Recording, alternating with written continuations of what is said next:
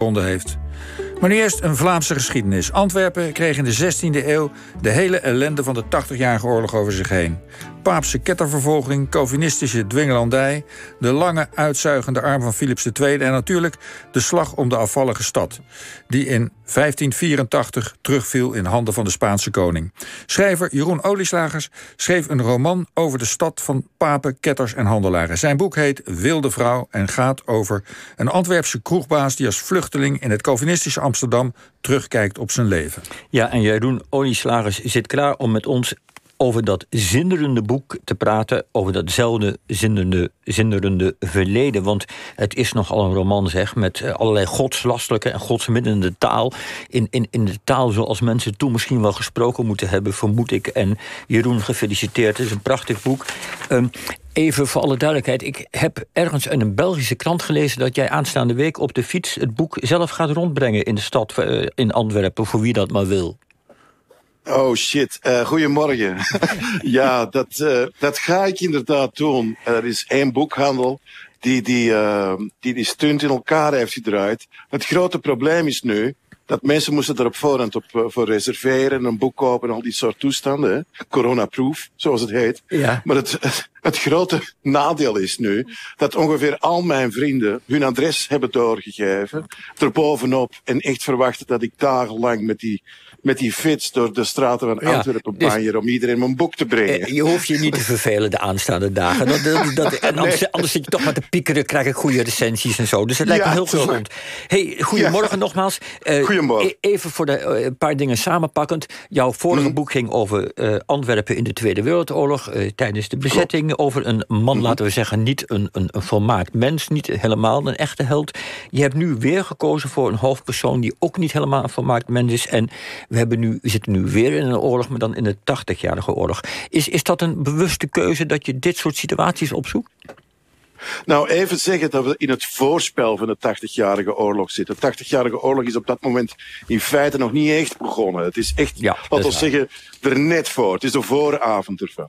Ja, ik zoek wel figuren die dubbelzinnig zijn. Daar, daar ben ik altijd wel op een of andere manier naar op zoek.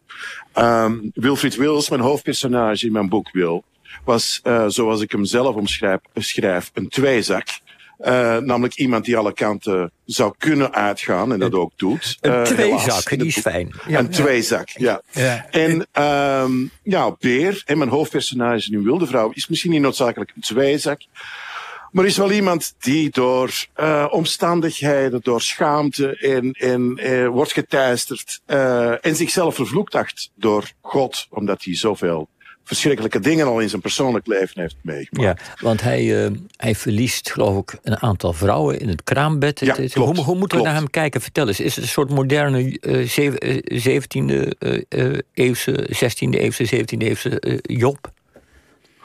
Nou, ik denk dat uh, hij hoort het zelf niet graag over zichzelf, dat hij een Jobfiguur is, maar dat is hij natuurlijk wel. Hè. Uh, uh, ik denk dat we het, wat, wat belangrijk is, het belangrijke verschil uiteraard met tussen de 21ste en de 16e eeuw, is dat, dat ze in God geloven. Het is te zeggen dat, het, dat God een algemene erkende realiteit is. Dat, dat, dat soort gedeelde realiteit hebben wij natuurlijk niet meer in God. Er zijn, er, er zijn een heleboel mensen die nog altijd gelovig zijn, maar er zijn ook een hele grote um, groep van mensen die helemaal niet meer geloven. Dat is het verschil, denk ik. Ja, en, en, dus dat komt bij Beer wel echt, die, de aanwezigheid van God is het eerste deel van Wilde Vrouw bijvoorbeeld echt wel heel belangrijk. Ja, en, en, en hoe belangrijk is het Antwerpen van die tijd?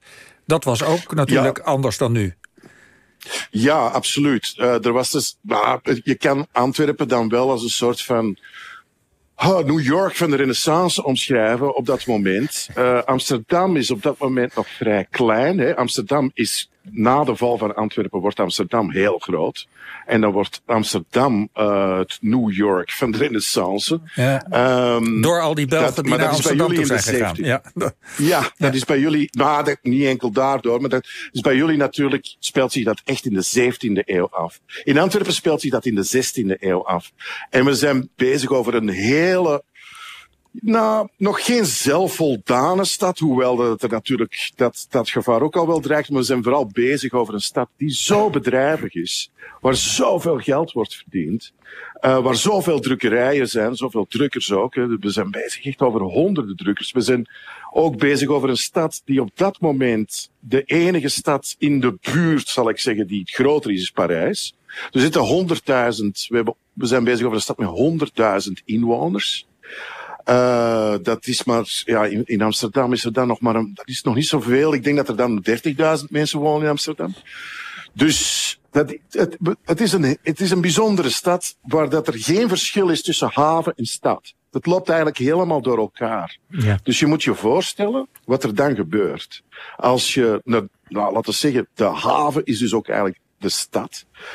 En als mensen gewoon op de kade liepen, dan zagen ze de, uh, laten we zeggen, de producten van de, van de zoveel wereldzeeën gewoon arriveren op die kades. Ja. Er komen gewoon dingen het is uit Afrika, uit Azië, uit, uit Amerika. Het is een stad waar de wereld binnenkomt en die echt een ja. cosmopolitisch ja. in, die tijd. Maar er is ook iets anders aan de hand, want je zegt: ik heb er ik denk dat je daar bewust voor gekozen hebt om zeg maar, de, de aanloop naar de 80-jarige oorlog, naar, naar de val van Antwerpen in 1584, die komt in je boek zijdelings op het eind een beetje voor. Maar eigenlijk mm. zit je in de periode daarvoor. En ja. dan, dan zit die stad eigenlijk toch in een soort spagaat. Want aan de ene kant is er de macht van de koning van Spanje, Philips II en al zijn paladijnen mhm. en ambtenaren. Aan de andere kant is er de roep van de geuzen en de opstand. En hoe gaat die stad daar dan mee om? Hoe gaan de mensen daarmee om? Je laat ze in, in jouw boek laat je mensen echt zeggen van het komt erop aan dat je weet wat je zegt en wat je niet zegt. Wat, wat gebeurt er met die Antwerpenaren? Ja, eh, eh, eigenlijk moet je dan eerst ook even kijken naar de krankzinnige positie waarin dat de Spaanse koning zich bevindt. Uh, om Antwerpen beter te begrijpen, om de mentaliteit beter te begrijpen. Dus, dus langs de ene kant, maar die Philips heeft natuurlijk een, een, een wereldrijk, of toch een groot Europees rijk, geërfd van zijn vader, van Karel V. En je krijgt een Philips die tegelijkertijd heel dogmatisch is wat het betreft het paapse of het roomse geloof. Hij wil absoluut dat uh, heiligschennis, uh, dat, zeker de gereformeerden, dat die uh, op hun op hun plaats worden gezet. Hè. Die, moeten zich vooral, die moeten vooral hun mond niet open doen. En in Antwerpen stikt het van de Calvinisten en de Lutheranen en de Anabaptisten en nog een heleboel vreemde sectes en geloven die er, die er allemaal in die stad waren. Dus je moet je voorstellen dat voor zo'n vrome Spanjaard compleet krankzinnig moet zijn geweest. En, waar Babylon. En zijn positie is vreemd, wat is te zeggen, is ook gespleten omdat hij dus langs de ene kant dus dat religieuze natuurlijk wil opdringen aan dat rebelse Antwerpen, maar langs de andere kant heeft hij Antwerpen nodig. Want hij is oorlogen aan het voeren tegen ongelovigen, tegen gereformeerden. Of er komt een opstand in Milaan, daar heeft hij geld nodig.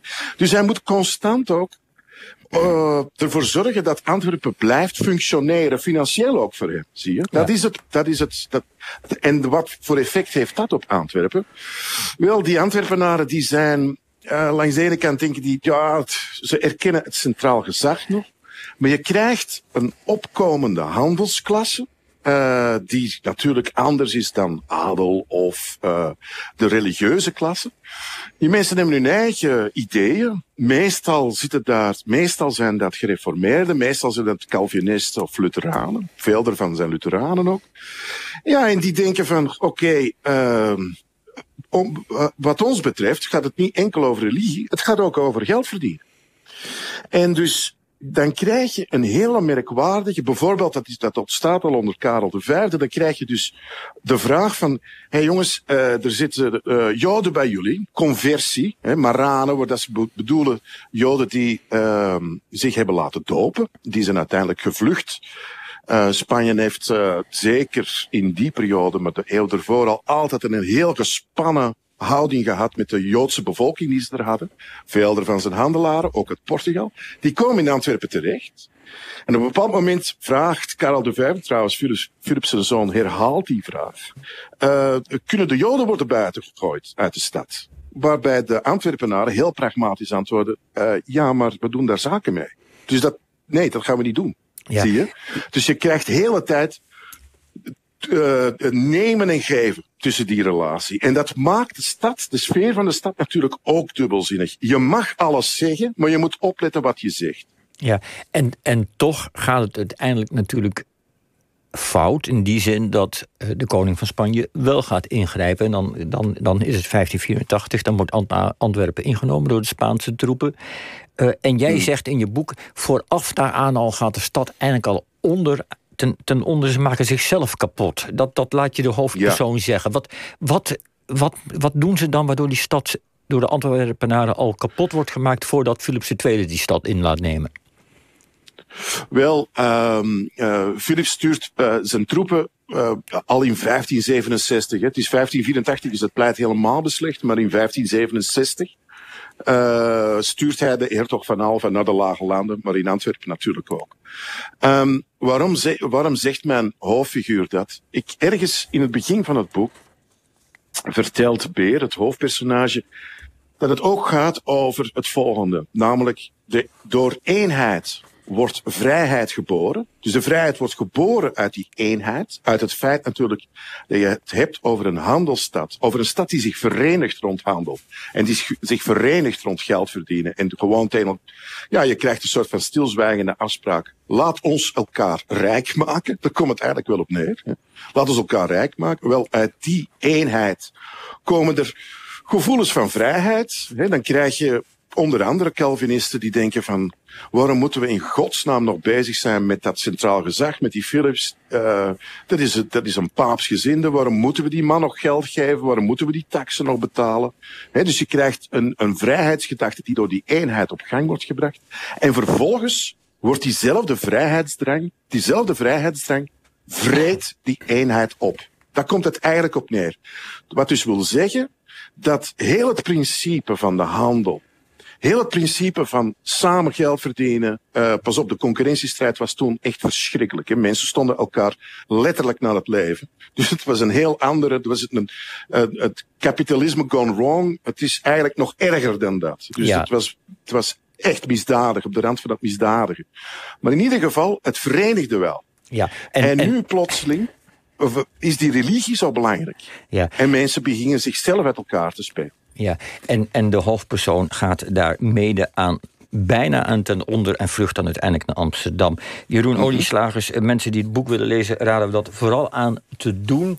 Uh, het is uitgekomen bij De Bezige Bij, heet Wilde Vrouw. En uh, mag ik je veel succes wensen met het rondbrengen van het boek aankomende week. Dank je zeer, dank je zeer.